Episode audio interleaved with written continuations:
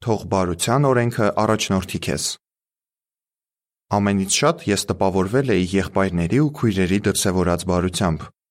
ասում է Լիզա անունով մի քույր, պատմելով, թե ինչն է իրեն ձգել դեպի ճշմարտությունը։ Նման միտք է արտահայտում նաև մեկ ուրիշ քույր, ում անունը Էն է։ Նա պատմում է. Ինձ ավելի շատ տպավորել էր վկաների բարությունը, քան նրանց ուսմունքները։ Ինչ խոսք, այժմ Լիզան ու Էնը սիրում են կարդալ Աստվածաշունչը եւ խորհրդածել դրա շուրջ։ Բայց ինչպես տեսանք, նրանց երկուսին էլ վկաների դրսևորած բարությունը մղեց, որ ընդունեն ճշմարտությունը։ Հոդվածից կիմանանք, թե ինչպես կարող ենք բարություն դրսևորել եւ այդպիսով ջերմացնել մարդկանց սրտերը։ Կտեսնենք, թե ինչպես կարելի է դա անել խոսքով եւ գործով։ Նաեւ կիմանանք, թե ում հանդեպ պետք է բարություն ցուցաբերենք։ Թող բարության օրենքը քո լեզվի վրա լինի։ Առակներ 31-րդ գլխում Առաքինի կնոջ վերաբերյալ ասվում է, որ բարության օրենքը նրա լեզվի վրա է։ Առակներ 31:26 Նա թույլ է տալիս, որ այդ օրենքը ազդի իր խոսելաձևի եւ ասելիքի վրա։ Լավ կլինի, որ խոսելիս ամուսիններն ու հայրերը նույնպես առաջնորդվեն այս օրենքով։ Ծնողների մեծամասնությունը շատ լավ գիտի, թե կոպիտ խոսքը որքան վատ կարող է անդրադառնալ իրենց երեխաների վրա։ Եթե ծնողները խոսեն կոշտ ու սառը տոնով, ամենայն հավանականությամբ երեխան չի ցանկանա լսել նրանց։ Ոստի նրա սրտին հասնելու համար նրանք պետք է ձգտեն բարությամբ խոսել։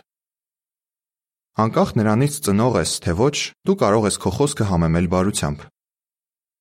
Ինչպես։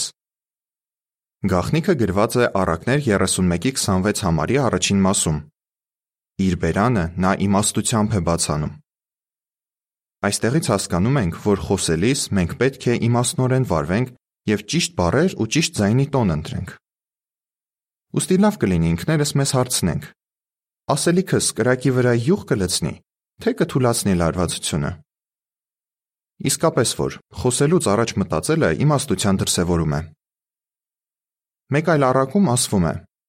Կա մարդ, որ անմտածված է խոսում եւ սրի պես խոցում է։ Առակներ 12:18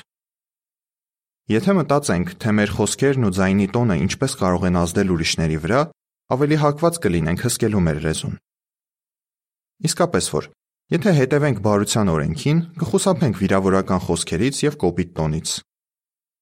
Այդպիսով մենք բացասական մտքերն ու խոսքերը կփոխարինենք բարի խոսքերով եւ ջերմ տոնով։ Բարությամբ խոսելու հարցում Եհովան հիանալի օրինակ է։ Նա իր ծառա Եղիայի հետ, ով վախեցած էր, հրեշտակի միջոցով խոսեց մեղմ, ցածր ձայնով։ Առաջին Թագավորներ 19:12 Սակայն բարի լինելու համար միայն բարի խոսքեր ասելը բավական չէ։ Մենք պետք է նաև բարի գործեր անենք։ Տեսնենք թե ինչպես։ Բարի գործերը տպավորում են մարդկանց։ Ընթորինակելով Եհովային, մենք բարություն ենք դրսևորում ոչ միայն խոսքով, այլև գործով։ Լիզան, ում մասին խոսեցինք հոդվածի սկզբում, պատմում է, թե վկաները ինչպես են բարություն դրսևորել իր հանդեպ։ Երբ մեր ընտանիքը ստիպված էր կարճ ժամանակահատվածում մի վայրից մյուսը տեղափոխվել, երկու վկա ամուսնական զույգեր արցակուրտ վերցրին, որպեսզի օգնեն մեզ հավաքել մեր իրերը։ Այդ ժամանակ ես նույնիսկ չէի ուսումնասիրում Աստվածաշունչը։ Այս վկաների բարի գործերը մղեցին Լիզային ավելի շատ հետաքրքրվել ճշմարտությամբ։ Էնը, ում մասին արդեն խոսեցինք, նույնպես տպավորվել էր վկաների ցուցաբերած բարությամբ։ Նա պատմում է. Մարդկանց վատ վերաբերմունքի պատճառով շատ կասկածամիտ էի դարձել։ Ինձ համար դժվար էր վստահել ինչ-որ մեկին։ Երբ հանդիպեցի վկաներին, սկսեցի հարցականի տակ դնել նրանց մղումները։ Մտածում էի, տեսնես ինչու են հետաքրքրվում ինձանով բայց ինձ Աստվածաշունչ ուսուցանող քույրը անկեղծ էր ու բարի, ինչը մղեց ինձ վստահելու նրան։ Էնը նաև ասում է, թե ինչ լավ արդյունքներ եղան։ Դրա շնորհիվ կարողացա ուշադրությունս կենտրոնացնել այն ամենի վրա, ինչ սովորում էի։ Տեսնում ենք, որ Լիզային ու Էնին մեծապես տպավորել են վկաների բարի գործերը եւ մղել նրանց ավելին իմանալու ճշմարտության մասին։ Իսկ ժողովի դրսևորած բարությունը օգնել է այս երկու կանանց վստահել Եհովային եւ նրա ժողովրդին։ Բարություն դրսևորելու հարցում ընդօրինակիր Եհովային։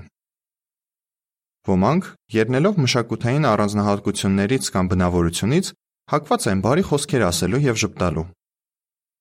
Ինչ խոսք, գովելի է, երբ մարդիկ քաղաքավարի են լինում, բայց դա բավական չէ իսկական բարություն դրսևորելու համար։ Իսկական բարությունը Աստծո Սուրբ Ոգու պտղի հատկություններից է։ Ոստի այն զարգացնելու համար պետք է թույլ տանք, որ Սուրբ Ոգին ազդի մեր մտածելակերպի եւ գործելակերպի վրա։ Այդպես վարվելը կօգնի մեզ նմանվել Եհովային եւ Հիսուսին։ Բացի այդ, լինելով քրիստոնյաներ, մենք պետք է անկեղծորեն հետաքրքրվենք ուրիշներով։ Տեսնում ենք, որ բարություն դրսևորելու մեր մղիչ ուժը պետք է լինի Եհովա Աստծո եւ մարդկանց հանդեպ սերը։ Այդ դեպքում բարությունը կդառնա զորեղ հատկություն, որը կբխի մեր սրտից եւ հաճելի կլինի Աստծուն։ Ում հանդեպ պետք է բարություն դրսևորենք։ Բնական է, որ մենք բարություն ու երախտագիտություն ենք դրսևորում նրանց հանդեպ, ում ճանաչում ենք կամ ովքեր բարի են մեր նկատմամբ։ Իսկ ինչպես ենք վարվում նրանց հետ, ովքեր մեր կարծիքով արժանի չեն բարի վերաբերմունքի։ Եհովան բարություն դրսևորելու հարցում մեծագույն օրինակն է, քանի որ նա բարի է բոլորի հանդեպ, անկախ նրանից նրանք արժանի են դրան, թե ոչ։ Իր խոսքում նա մեզ կարևոր դաս է սովորեցնում այս հատկությունը դրսևորելու վերաբերյալ։ Քրիստոնեական հունարեն գրություններում բազում անգամներ հանդիպում է անզուգական բարություն արտահայտությունը, որը ընդգծում է այն միտքը, որ անհատը բարություն է դրսևորում առատաձեռնությունից մղված եւ ոչ թե այն պատճառով, որ դիմացինը արժանի է դրան։ Իսկ ինչպես է Աստված բարություն դրսևորում մարդկանց հանդեպ։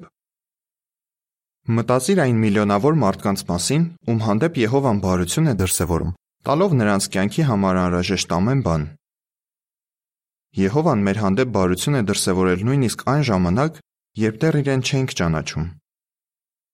Նա ողջ մարդկության համար զոհել է իր լավագույնը, իր միածին որդուն։ Պողոս Արաքյալը գրեց, որ Եհովան փրկագին է տվել իր անզուգական բարության հարստության շնորհիվ։ Եփեսացիներ 1:7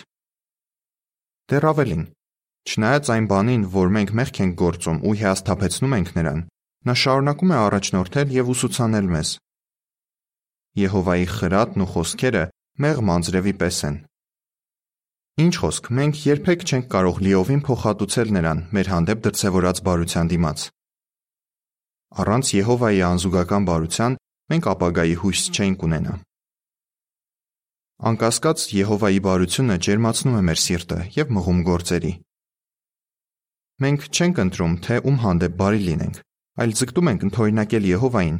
եւ բարիք անելը դարձնել մեր առօրյայի մի մասը։ Եթե շարունակաբար բարություն դրսևորենք, մարդիկ կձգվեն դեպի մեզ,